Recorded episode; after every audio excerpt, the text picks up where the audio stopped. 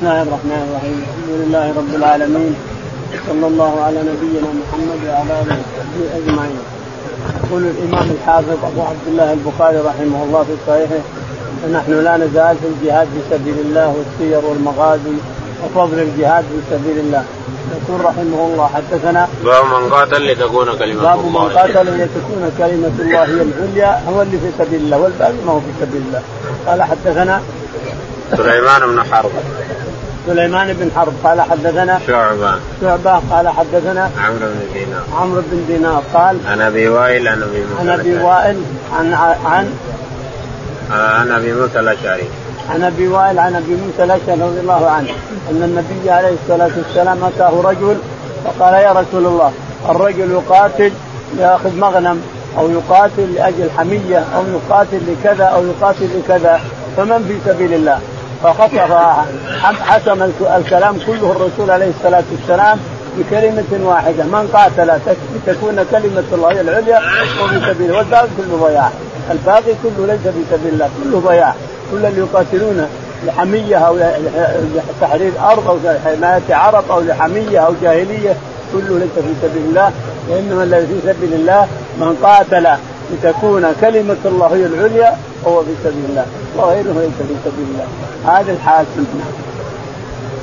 باب من اغبرت قدمه في سبيل الله. وقول الله تعالى ما كان لأهل المدينة إلى أن قوله إن الله لا يضيع أجر المحسنين قال رحمه الله دثنا إسحاق قال أخبرنا محمد بن المبارك قال حدثنا يحيى بن حمزة قال حدثني يزيد بن أبي مريم قال أخبرنا أباية بن رافع بن خديج قال أخبرني أبو عبس وعبد الرحمن بن جبر أن رسول الله صلى الله عليه وسلم قال مغبرت قدم عبد في سبيل الله فتمسه النار. يقول البخاري رحمه الله باب قول الله باب من اغبرت قدماه في سبيل الله. باب من اغبرت قدماه في سبيل الله فهو سجد فهو في سبيل الله. يقول حدثنا وقول الله تعالى ما كان لأهل المدينة ومن حولهم من الأعراب أن تفسير قول الله تعالى ما كان لأهل المدينة ومن حولهم من الأعراب أن يتخلفوا عن رسول الله ولا أن يرغبوا بأنفسهم عن نفسه. لا أهل المدينة ولا من حول المدينة من الأعراب كفزاره وعبد وغيرهم ممن أحاطوا بالمدينة. هؤلاء ما كان لهم. أن يتخلفوا عن رسول الله ولا يرغبوا بانفسهم عن نفسهم معنى هذا أنهم ما أرادوا وجه الله ولا الدار الآخرة ولا قاتلوا لتكون كلمة الله العليا فليس لهم أجر عند الله تعالى وتقدس نعم. قال حدثنا إسحاق. يقول البخاري حدثنا إسحاق قال حدثنا محمد بن المبارك. محمد بن المبارك قال حدثنا يحيى بن حمزة. يحيى بن حمزة قال قال حدثنا يزيد بن أبي مريم. يزيد بن أبي مريم قال قال حدثنا عباية بن رافع بن خديج. عباية بن رافع بن خديج قال قال أخبرني أبو عبس عبد الرحمن بن جبر. يقول أخبرني أبو عبد عبد الرحمن بن جبر قال أن رسول الله صلى الله عليه وسلم قال مغبرت قدما عبد في سبيل الله فتمسه النار. يقول عبد الرحمن بن جبر الملقب المكنى بعبد يقول إن النبي عليه الصلاة والسلام قال مغبرت قدم عبد في سبيل الله وتمسه النار. مغبرت قدم عبد في سبيل الله فتمسه النار. ومن هو اللي في سبيله؟ الذي يقاتل لتكون كلمة الله هي العليا الذي يقاتل لتكون كلمة الله هي العليا يحرر الأرض من الكفرة وتكون كلمة رب العالمين هي العليا. هذا الذي إذا اغبرت قدماه فهو في الجنة. ما إذا ما اغبرت قدم عبد فتمسه النار وهو الذي يقاتل لتكون كلمة الله العليا. نعم. باب مشي الغبار عن الناس في سبيل الله. قال رحمه الله حدثنا إبراهيم بن موسى قال أخبرنا عبد الوهاب قال حدثنا خالد بن عباس قال له ولعلي بن عبد الله ائتيا ابا سعيد رضي الله عنه فاسمعا من حديثه. فأتينا وهو وأخوه في حائط لهما يسقيان. فلما رانا جاء فاحتبى وجلس. فقال كنا ننقل لبن لبن المسجد لبنة لبنة وكان عمار ينقل لبنتين لبنتين. فمر بالنبي صلى الله عليه وسلم ومسح عن راسه الغبار. وقال ويح عمار تقتل الفئة الباغية. عمار يدعوهم إلى الله ويدعونه إلى النار. يقول البخاري رحمه الله باب مسح الغبار عن الناس في سبيل الله. باب مسح الغبار عن الناس في سبيل الله. يعني الرسول مسح التراب عن ناصية عمار بن ياسر رضي الله تعالى عنه. حدثنا آه، إبراهيم بن موسى. إبراهيم بن موسى قال حدثنا عبد الوهاب. عبد الوهاب قال حدثنا خالد. خالد قال عن عكرمة عن ابن عباس عن عكرمة عن ابن عباس عن أن ابن عباس قال له ولعلي بن عبد الله ائتيا أبا سعيد أن ابن عباس رضي الله عنهما قال لعكرمة ولعلي بن عبد الله. عبد الله. ائتيا أبا سعيد الخدري فسألاه عن أحاديث سمعها من الرسول عليه الصلاة والسلام. يمكن قال لهم سألوه عن عمار لأنه أتى بحديث عمار أبو سعيد الخدري. فلما أتاه يقول وجدناه وأخوه يسقيان حائط لهما المدينة. فلما رآنا تنحى عن الحائط وجلس واحتبى وعرف أننا رسل ابن عباس رضي الله عنه. فسألناه فقال إن إننا كنا ننقل اللبن. اللبن لمسجد الرسول عليه الصلاة والسلام أو قال للخندق حينما حضروه. قال فكان الناس ينقلون على لبنة لبنة. الصحابة رضي الله عنهم المهاجرون والأنصار. ينقلون على لبنة لبنة حتى على ظهره أو على رأسه. يحط لبنة لبنة. وعمار ينقل لبنتين لبنتين.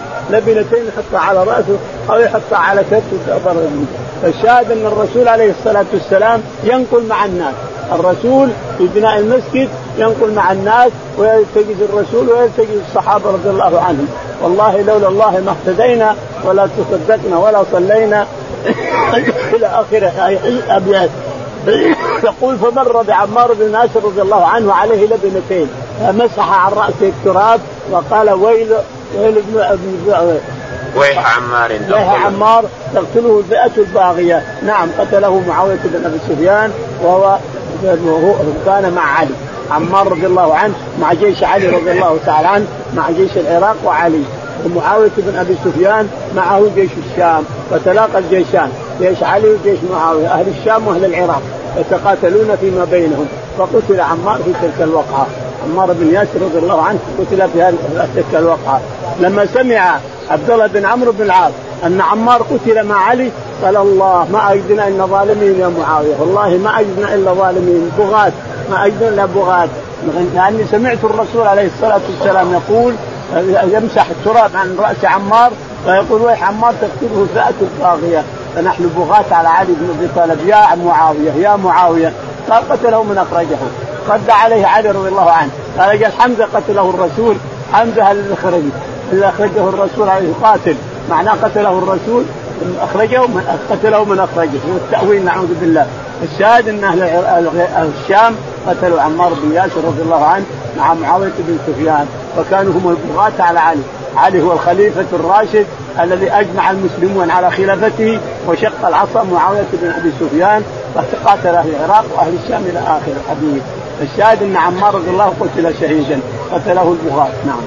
عمار يدعوهم إلى الله ويدعونه إلى النار. ثم كمل الرسول قال عمار يدعوهم إلى الله ويدعونه إلى النار. نعوذ بالله. نعم.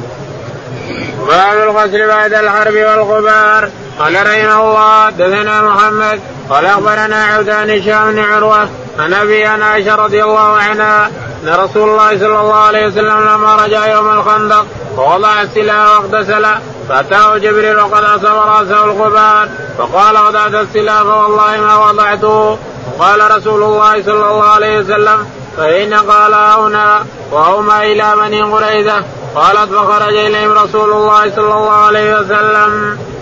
يقول البخاري رحمه الله باب باب الغسل بعد الحرب والغبار. باب الغسل بعد الحرب والغبار، يعني يغتسل الإنسان بعد ما ينتهي الحرب يترك التراب عن رأسه وظهره ويغتسل ويتنظف. يقول البخاري رحمه الله حدثنا محمد بن سلام محمد بن سلام قال حدثنا عبدة بن سليمان عبدة بن سليمان قال حدثنا هشام بن عروة هشام بن عروة عن عائشة عن أبيه عروة عن عائشة رضي الله تعالى عنها أن النبي عليه الصلاة والسلام لما انتهى من غزوة الخندق يعني نزع الله هزم الله الأحزاب الذي أتى بهم أبو سفيان أربعة آلاف. أتى بهم أبو سفيان ليحاربوا الله ورسوله. ونقضت قريظة نقضوا عهد الرسول عليه الصلاة والسلام. لما رأوا الأحزاب محيطين بالمدينة ظنوا أن الأحزاب سينصرون فنقضوا العهد وصاروا مع ابي سفيان. قريظة نقضت العهد الرسول بينها وبين الرسول عهد. فنقضوا العهد وانضموا إلى أبي سفيان يقاتلون الرسول عليه الصلاة والسلام. هذا عام الخندق. لكن الرسول عليه الصلاة والسلام حصل المدينة بالخندق الذي أشار به أشار به سلمان الفارسي رضي الله تعالى عنه. الشاهد إن الله تعالى وتقدس. لما نزع أبو سفيان وأهل الخندق جميعهم هربوا إلى بلادهم. بقت بني قريظة، الرسول عليه الصلاة والسلام دخل على عائشة وهو ينفض التراب عن رأسه واغتسل. دخل الحمام ليغتسل. فجاءه جبريل عليه الصلاة والسلام والغبار على رأسه. قال نفخت الغبار يا محمد عن رأسك. والله الملائكة ما نفخت الغبار. اطلع إلى هنا. قال فين؟ قال إلى ها هنا. يعني إلى بني قريظة. فنادى المنادي أن لا يصلين أحد العصر إلا في بني قريظة. فاخذ فمشى المهاجرون والأنصار. مشى كل من حضر من المهاجرين الأنصار إلى بني قريظة، بني قريظة بعيدة. منهم من غربت الشمس وهو ما وصل. ومنهم من صلى العصر في وقته. ومنهم من لم يصلي العصر حتى وصل بني قريظة حتى لو غربت الشمس. منهم عمر بن الخطاب ومنهم الرسول عليه الصلاة والسلام صلى العصر والمغرب بوقت واحد. أذن بلال وصلى العصر عليه الصلاة والسلام ثم صلى المغرب. معنى هذا أنه لابد من الترتيب. لابد صار عليك الفوائد أنك ترتبها ترتيب. اول الظهر ثم العصر ثم الغرب ثم لابد من الترتيب ولا ما تصح الصلاة. فالشاهد أن الرسول عليه الصلاة والسلام أتى بني قريظة والقى الله الرعب في قلوبهم حتى زلزل أقدامهم ثم حاصرهم حتى نزلوا على حكم سعد بن معاذ. سعد بن عباد سيد بني سيد بني الأوس رضي الله عنه وأرضاه. وكاليوم هو جريح. فاتوا على حكم سعد بن معاذ ونزلوا على ذلك. والشاهد انه أن الرسول كان يغتسل وأتاه جبريل وأمره أن يقاتل بني قريظه وحصل سب بني قريظه كما مرة مرتين أو ثلاث. وحكم بهم سعد بن معاذ رضي الله عنه سيد الأوس. حكم أنه تقتل. يقتل من لم ينبت ويستسبى نساءهم وأولادهم. اللي أنبت يقتل واللي ما أنبت يسبى مع النساء يصير سب مع النساء يقسمون أموالهم ونساءهم وأطفالهم. وحصل هذا لما حكم سعد قال لقد حكمت حكمت بحكم الله من فوق سبعة أركعة. فحكم بهم عليه رضي الله عنه ثم مات بعد ذلك. لما حكم في بني قريظة وهو حلفائهم قريظه حلفاء سعد بن معاذ رضي الله عنه. فلما انتهى الحكم ورجع إلى الخيمة دعا الله أن يأخذه إن لم يكن هناك حرب فتوفاه الله بالليل سال الدم ومات كان أصابه عرق في الأكحل. فانفجر الدم ومات رضي الله عنه وأرضاه. الشاهد أن أن رب العالمين زلزل أقدامهم حتى سباهم الرسول عليه الصلاة والسلام وأنزل الله فيهم كتاب القران نعم.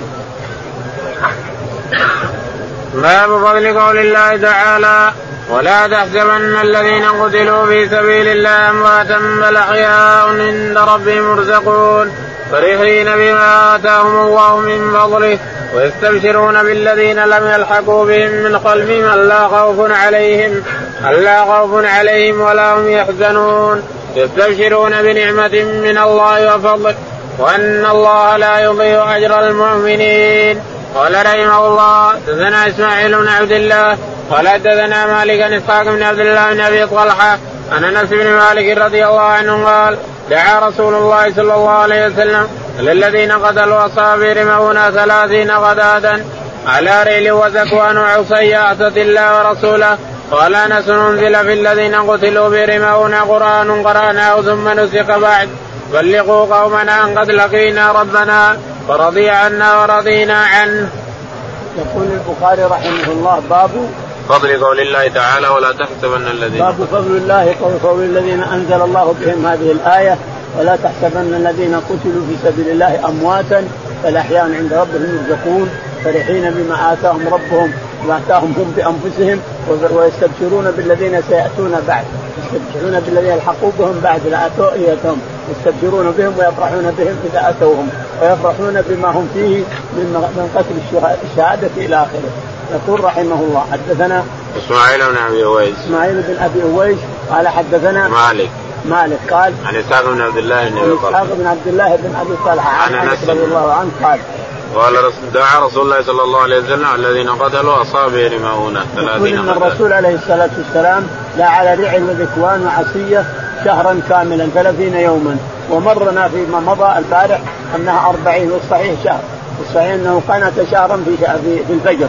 في صلاة الفجر قنت شهرا كاملا عليه الصلاة والسلام يدعو على رعي وذكوان وعصية. التي عصت الله ورسوله شهر كامل ثم بعد ذلك تركه. الشافعي رحمه الله تمسك به وكان يقنط إلى يومنا هذا. فالأئمة الثلاثه يرون أنها قضية عين وأن الرسول دعا على من حصل منه القضية ثم انقطع خلاص قطعه مرة واحدة. عاقبهم الله تعالى وتقدس بدعاء الرسول وسلط عليهم بني عامر أمم لا تحصى بني عامر جيوش بني عامر؟ أمم لا تحصى سلط الله على الرعل وذكوان عصية وقتلوهم قتلا ذريعا وسبوا أموالهم وانشاهم دعاء الرسول دعوة الرسول. اصاب جاء بني عامر. أمم ما تحصى وهم اشجع أشجع أهل الأرض بنو عامر. فأغاروا على الرعل وذكوان عصيه واخذوا أموالهم ونساءهم واطفالهم وسووا جميع معهم ولم يترك منهم أحد ولم يذكر أحد بعد ذلك في الرعيل وذكوان لم يذكر أحد مرة واحدة. انقرضوا خذوا أموالهم وانقرضوا في ثلاثة قبائل بسبب دعوة الرسول عليهم عليه الصلاة والسلام. الشاهد أنه دعا شهرا كاملا وهذا هو الصحيح. نعم.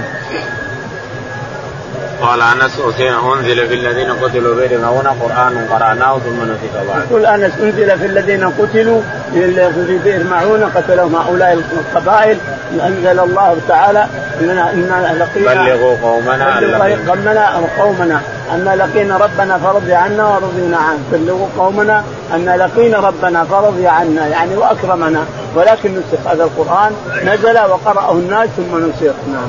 قال رحمه الله دثنا علي بن عبد الله قال دثنا سفيان بن عمرو أنه سمع جابر بن عبد الله رضي الله عنهما يقول اصطبع ناس الخمر يوم أحد ثم قتلوا شهداء فقيل لسفيان من آخر ذلك اليوم قال ليس هذا فيه. يقول البخاري رحمه الله حدثنا علي بن عبد الله. علي بن عبد الله المديني قال حدثنا سفيان بن عيينة. سفيان بن عيينة قال عن عمرو بن دينار. عن عمرو بن دينار قال عن جابر بن عبد الله. عن جابر رضي الله تعالى عنه قال اصطبح ناس من الخمر يوم أحد ثم قتلوا شهداء يقول جابر إن ناس من الصحابة رضي الله عنهم شربوا الخمر في أحد ثم بعد ذلك قتلوا. قتلوا وهم شاربين الخمر لكن ما حرم. ما دام ما حرم مع الإنسان لوم ما دام ما حرم هذا الشيء وأنا شربت هذا الشيء قبل أن يحرم أو فعلت هذا الشيء قبل أن يحرم فلا لوم عليكم. قتلوا وهم في أحد وهم قد شربوا الخمر هل عليهم لوم ولا سفيان يقول فقيل لسفيان من آخر ذلك اليوم؟ قال ليس هذا فيه يقول ليس من آخر ذلك اليوم. يعني قد شربوا خمره وقتلوا من آخر ذلك اليوم قال ليس هذا فيه. يعني لا أدري أحد من صباح إلى المساء ما حد يدري متى انقضى نعم. باب ظل الملائكة على الشهيد.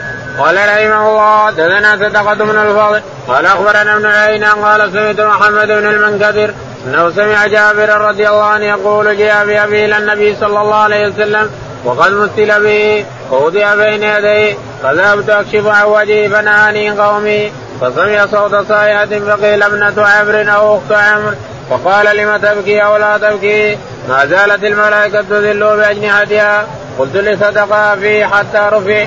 قال ربما قاله. يقول البخاري رحمه الله حدثنا باب ذل الملائكة على الشهيد. باب تضليل الملائكة على الشهيد ما دام موجودا في أرضه. يقول حدثنا صدقة بن الفضل. صدقة بن الفضل. قال حدثنا سفيان بن عيينة. سفيان بن عيينة. قال حدثنا محمد بن المنكدر. محمد بن المنكدر. عن جابر بن عبد الله. عن جابر رضي الله تعالى عنه أن أباه أتي به يوم أحد في أحد قتل في أحد عبد الله بن عمرو بن حرام أتي به وقد مثل به. مثل به قطعوا أنفه وقطعوا كذا وقطعوا كذا. يقول فوضع بين يدي الرسول عليه الصلاة والسلام ومغطى. فقال فيقول فأردت أن أكشف عن وجهي فنهاني قومي لا تكشف شيء لا تعرض شيء. إن أمر الرسول افعل ولا اترك ولا تكشف شيء. يقول سمع نائحه تصيح على عم أخته أخته. أخت عبد الله بن عمرو هي بنت عمرو. أخت عبد الله بن عمرو بن حرام أخت الشهيد. سمعها تصيح ثم بعد ذلك قيل رفع. قال إن لا تبكون أو لا تبكون. لا تزال الملائكة تظلله بأجنحتها حتى رفعتموه. لا تزال الملائكة تظلله بأجنحتها حتى ترفعتموه. هذا مثل المصلي إذا صلى وبقي في مصلاه لا تزال الملائكة تصلي عليك ما دمت في مصلاك حتى تحدث أو تقوم. نعم. باب تمني المجاهد أن يرجع إلى الدنيا. قال رحمه الله دثنا محمد بن بشار قال دثنا غندر قال دثنا شعبة قال سمعت قتادا قال سمعت أنس بن مالك رضي الله عنه عن النبي صلى الله عليه وسلم قال ما أحد يدخل الجنة يحب أن يرجع إلى الدنيا. وما وله ما على الأرض من شيء إلا الشهيد يتمنى أن يرجع إلى الدنيا فيقتل عشر مرات لما يرى من الكرامة. يقول البخاري رحمه الله باب ما ما باب ما في أحد يتمنى الرجوع إلى الدنيا إلا الشهيد. حدثنا محمد بن بشار. محمد بن بشار قال حدثنا محمد بن جعفر. محمد بن جعفر قال حدثنا شعبة. شعبة قال عن قتادة. عن قتادة عن أنس بن مالك. عن أنس رضي الله تعالى عنه قال النبي صلى الله عليه وسلم قال ما أحد يدخل الجنة يحب أن يرجع إلى الدنيا وما له على الأرض يقول أنس رضي الله عنه أن النبي عليه الصلاة والسلام قال ما من أحد يدخل الجنة فيتمنى أن يرجع يخرج منها ويرجع إلى الدنيا إلا الشهيد. لما يرى من كرامة الشهادة. إكرام الله تعالى للشهيد يرى كرامة عظيمة ما أكرم بها أحد. فيتمنى أن يرجع ثم يقتل ثم يرجع ثم يقتل عشر مرات. ما من أحد يدخل الجنة يتمنى الخروج منها إلى الدنيا إلا الشهيد فإنه يتمنى أن يخرج من الجنة من الجنة إلى الدنيا فيقتل ثم يقتل إلى عشر مرات. نعم. لما يرى من إكرام الله للشهيد. نعم. باب الجنة ذات بارقة السيوف. وقال المغيرة بن شعبة ورنا نبينا صلى الله عليه وسلم عن رسالة ربنا من قتل منا صار إلى الجنة. وقال عمر للنبي صلى الله عليه وسلم أليس قتلانا في الجنة وقتلاهم في النار؟ قال بلى. قال رحمه الله. دثنا عبد الله بن محمد. قال دثنا معاوية بن عمرو. قال دثنا أبو إسحاق عن موسى بن عقبة عن سالم بن نضر مولى عمر بن عبيد الله وكان كاتبه قال كتب الي عبد الله بن أبي أوفى رضي الله عنهما أن رسول الله صلى الله عليه وسلم قال واعلموا أن الجنة تحت ظلال السيوف. تابعه الويس عن ابن أبي الزناد عن موسى بن عقبة. يقول البخاري رحمه الله باب الجنة تحت بارقة السيوف. باب الجنة تحت بارقة السيوف. السيوف تبرق صارت مسلولة يهزها يضربون اللي قدامك من المشركين يضربه فتجي الشمس تسطع على السيف والبارقة على رجليك الإنسان. انه برق على رجولك وعلى وجهك وعلى بارقة السيوف يعني سلة وصار يقاتل فيها مسلولة. تضرب الشمس عليها يصير لها برق. إذا خطر كذا حوم بها صار لها برق ونزل على الإنسان. يقول البخاري حدثنا. وقال المغيرة بن شعبة أخبرنا نبينا صلى الله عليه وسلم عن رسالة ربنا من قتل منا صار إلى الجنة. يقول المغيرة بن شعبة أخبرنا نبينا عليه الصلاة والسلام أو ربنا؟ نبينا عن رسالة ربنا. عن رسالة ربنا أنه من دخل الجنة من قتل صار إلى الجنة. صار إلى الجنة. هذا قول المغيرة بن شعبة علقه البخاري رحمه الله عن الصحابي. أنه قال أخبرنا رب, رب, نبينا عن ربنا أنه من قتل شهيدا دخل الجنة. نعم. وقال عمر للنبي صلى الله عليه وسلم أليس قتلانا في الجنة وقتلاهم في النار؟ قال عمر.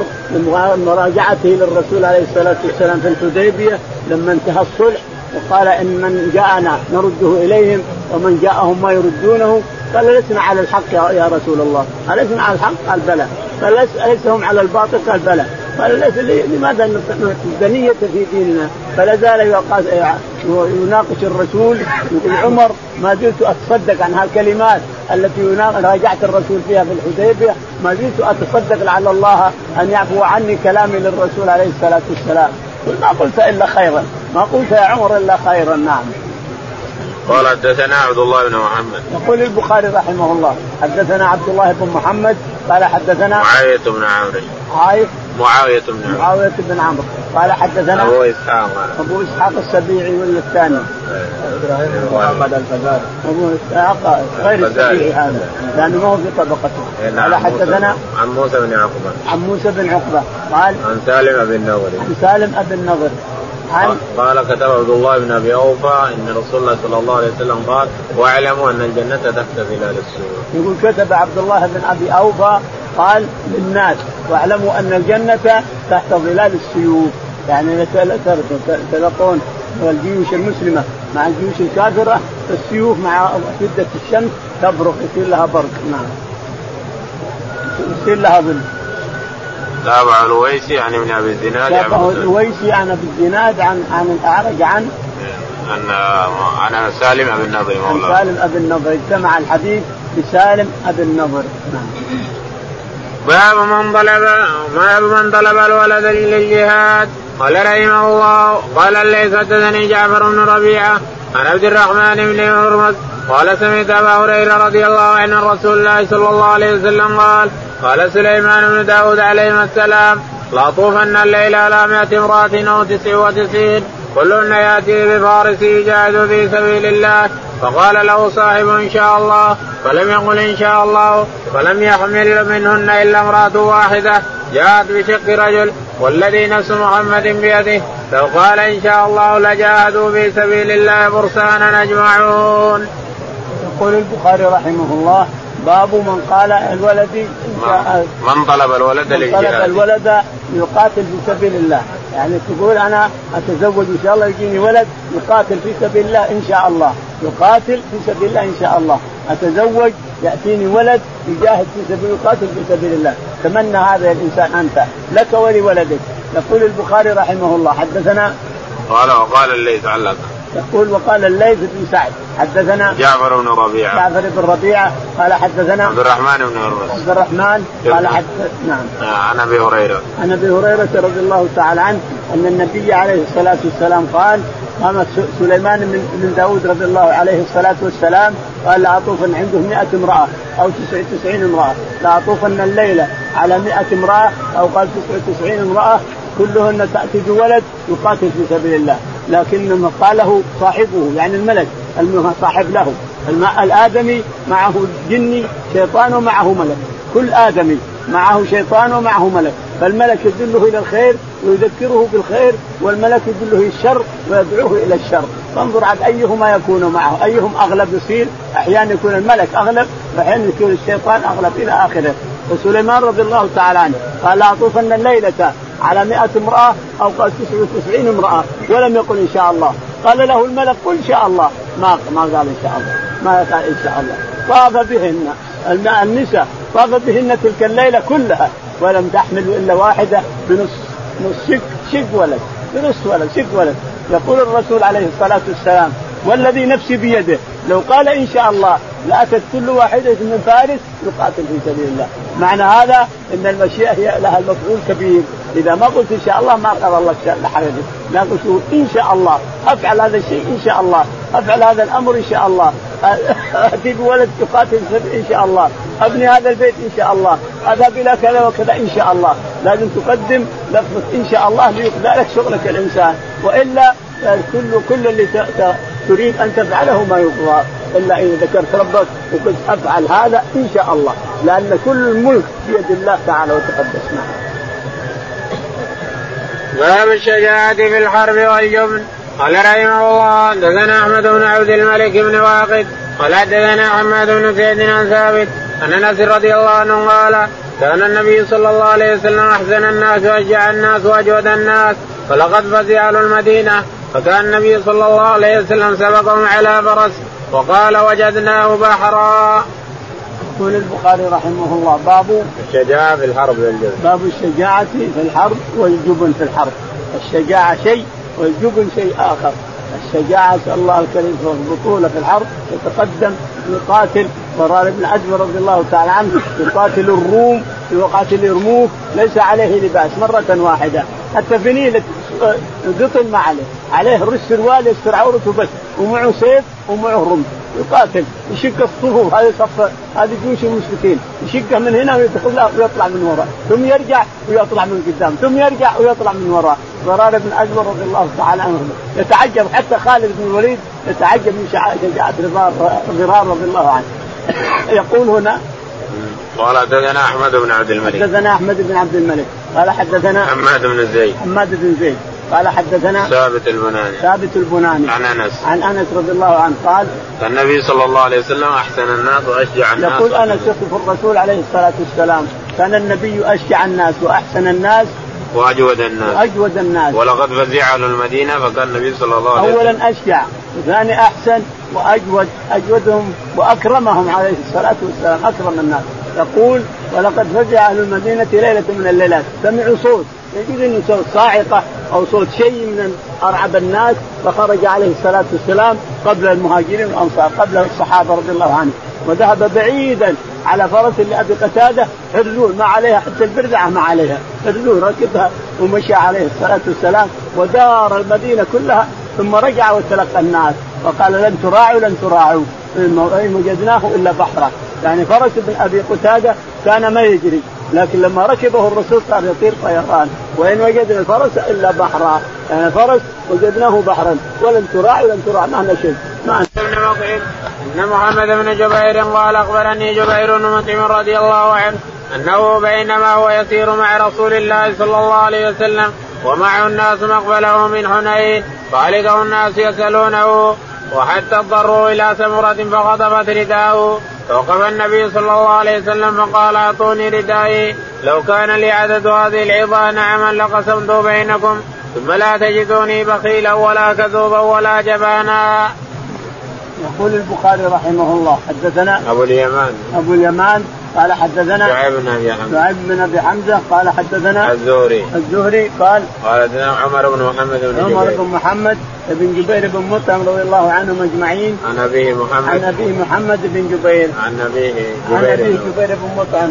يقول كنت أمشي مع الرسول عليه الصلاة والسلام منصرفه من هوازن لما قتل الناس واخذوا أموالهم وصار يصرف مقسم الأموال على الناس صار يمشي فيلحقه الأعراب اعطنا اعطنا حتى اضطروه إلى سمرة لها شوك فخطفت رداءه اللي فوق ظهره.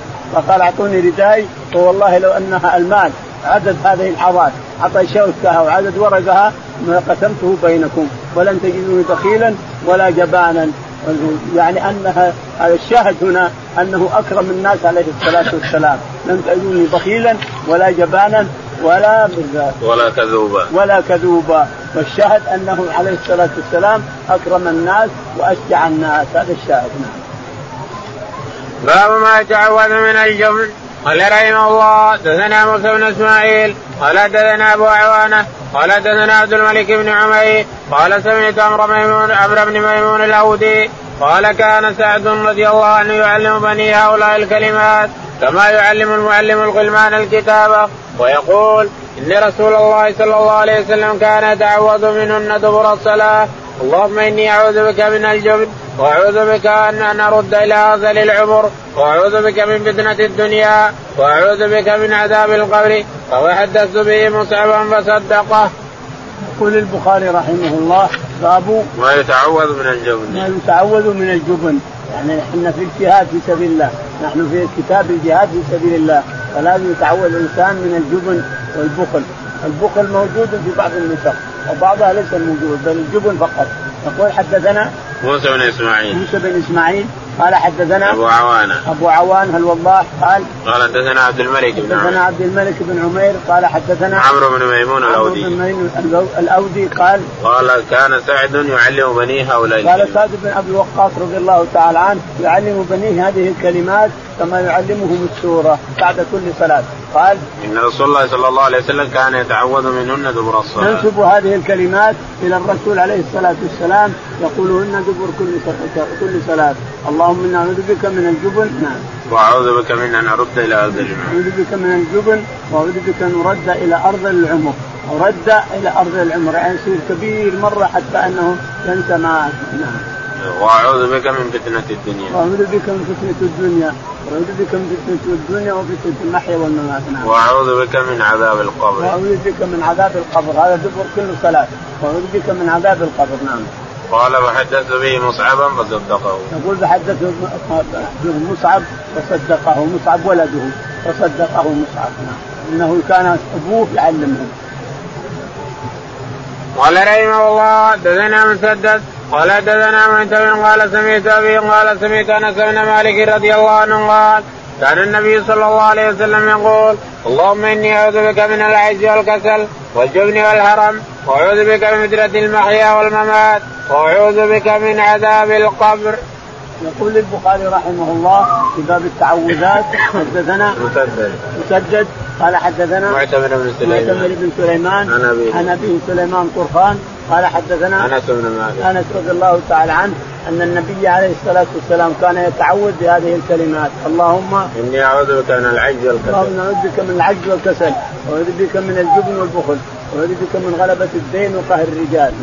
وأعوذ بك من فتنة المحيا والممات. أعوذ بك من فتنة المحيا والممات. وأعوذ بك من عذاب القبر. واعوذ بك من عذاب القبر. هذا دبر كل صلاة. يعني قبل يسلم. تقولها الإنسان قبل أن تسلم من الصلاة سواء كان فرضا أو نفلا. نعم.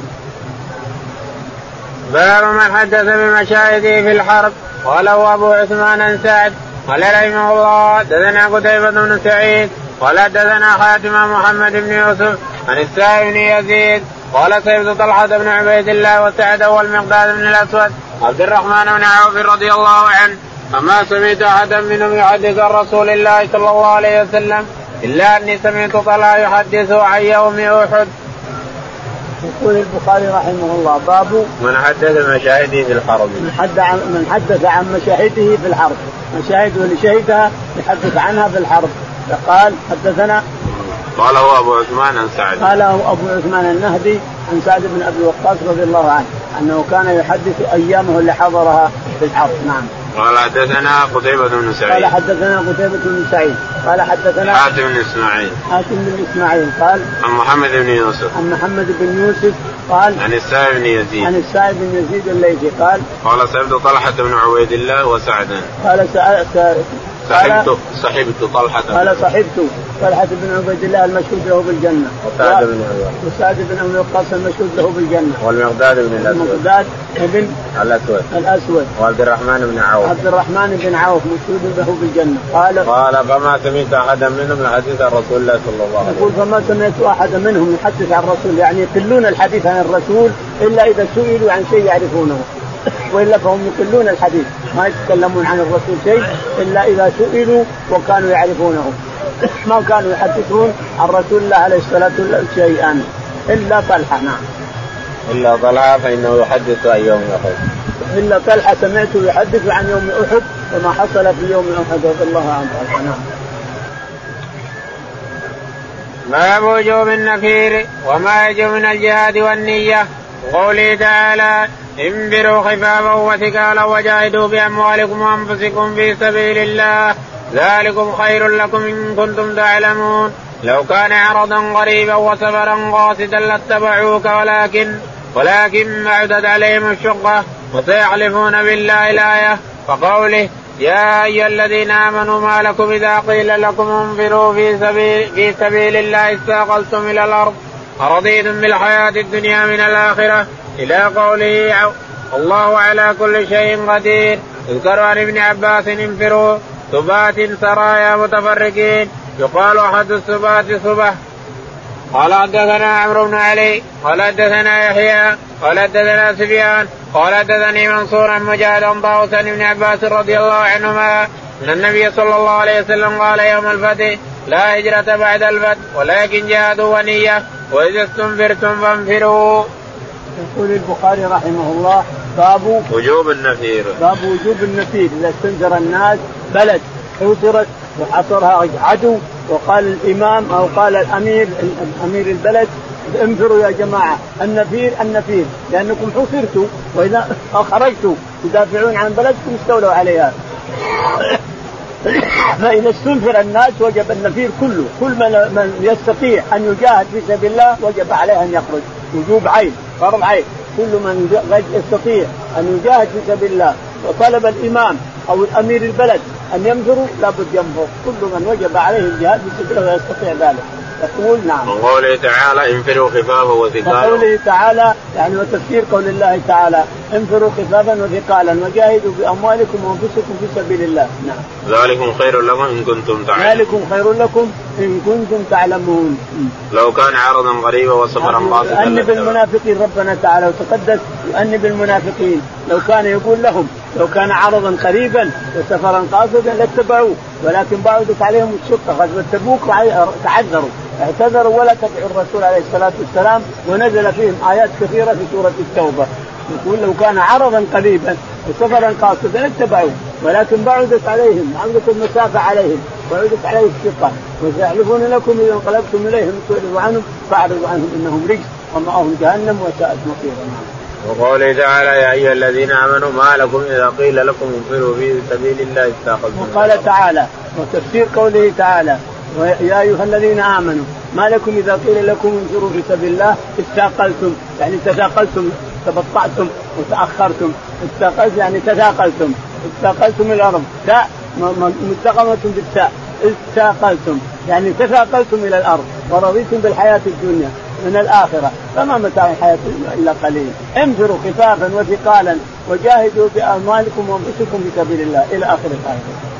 قال ابن عباس انفروا ثبات سرايا متفرقة. يقول ابن عباس في تفسير انفروا ثبات يقول الثبات السرايا يعني فرقة فرقة سرية سرية سرية انفروا يعني اخرج تخرج سرية ثم تخرج سرية بعدها ثم تخرج سرية بعدها إلى آخره ثم يجتمعون على موعد يتوعدون عليه على ماء أو على قرية يجتمعون فيها نعم. قال أحد الثبات ثبات واللغة واحد الثبات ثبة اي نعم انفروا ثبات يعني واحد الثبات ثبة ثباتا أو جميع يعني انفروا جميعا سرايا قال حدثنا عمرو بن علي. يقول البخاري رحمه الله حدثنا عمرو بن علي الفلاس قال حدثنا يحيى بن سعيد يحيى بن سعيد القطان قال حدثنا سفيان الثوري. سفيان الثوري قال قال عن منصور عن مجاهد. عن منصور عن مجاهد عن طاووس عن ابن عباس. عن طاووس عن ابن عباس رضي الله عنهم جميعا. قال النبي صلى الله عليه وسلم قال يوم الفتح لا هجرة بعد الفتح ولكن جهاد ونية وإذا استنفرتم إن النبي عليه الصلاة والسلام قال عام الفتح لا هجرة بعد الفتح. ليش؟ لأن مكة صارت مسلمة خلاص. ما في هجرة منها. لا هجرة بعد الفتح ولكن جهاد ونية. وإذا استنفرتم فانفروا. إذا استنفركم أمير البلد أو الإمام أن تنفروا. إذا حاصر البلد أو الدولة حصرها قوم أو حصرها كفار واستنفر الإمام الناس وجب على كل من يحمل السلاح أن يخرج مع المسلمين يقاتل ويدافع عن بلده إلى آخره. الله أعلم. اللهم اهدنا فيمن هديت وعافنا فيمن عافيت وتولنا فيمن توليت. اللهم توفنا مسلمين وألحقنا بالصالحين رب العالمين. اللهم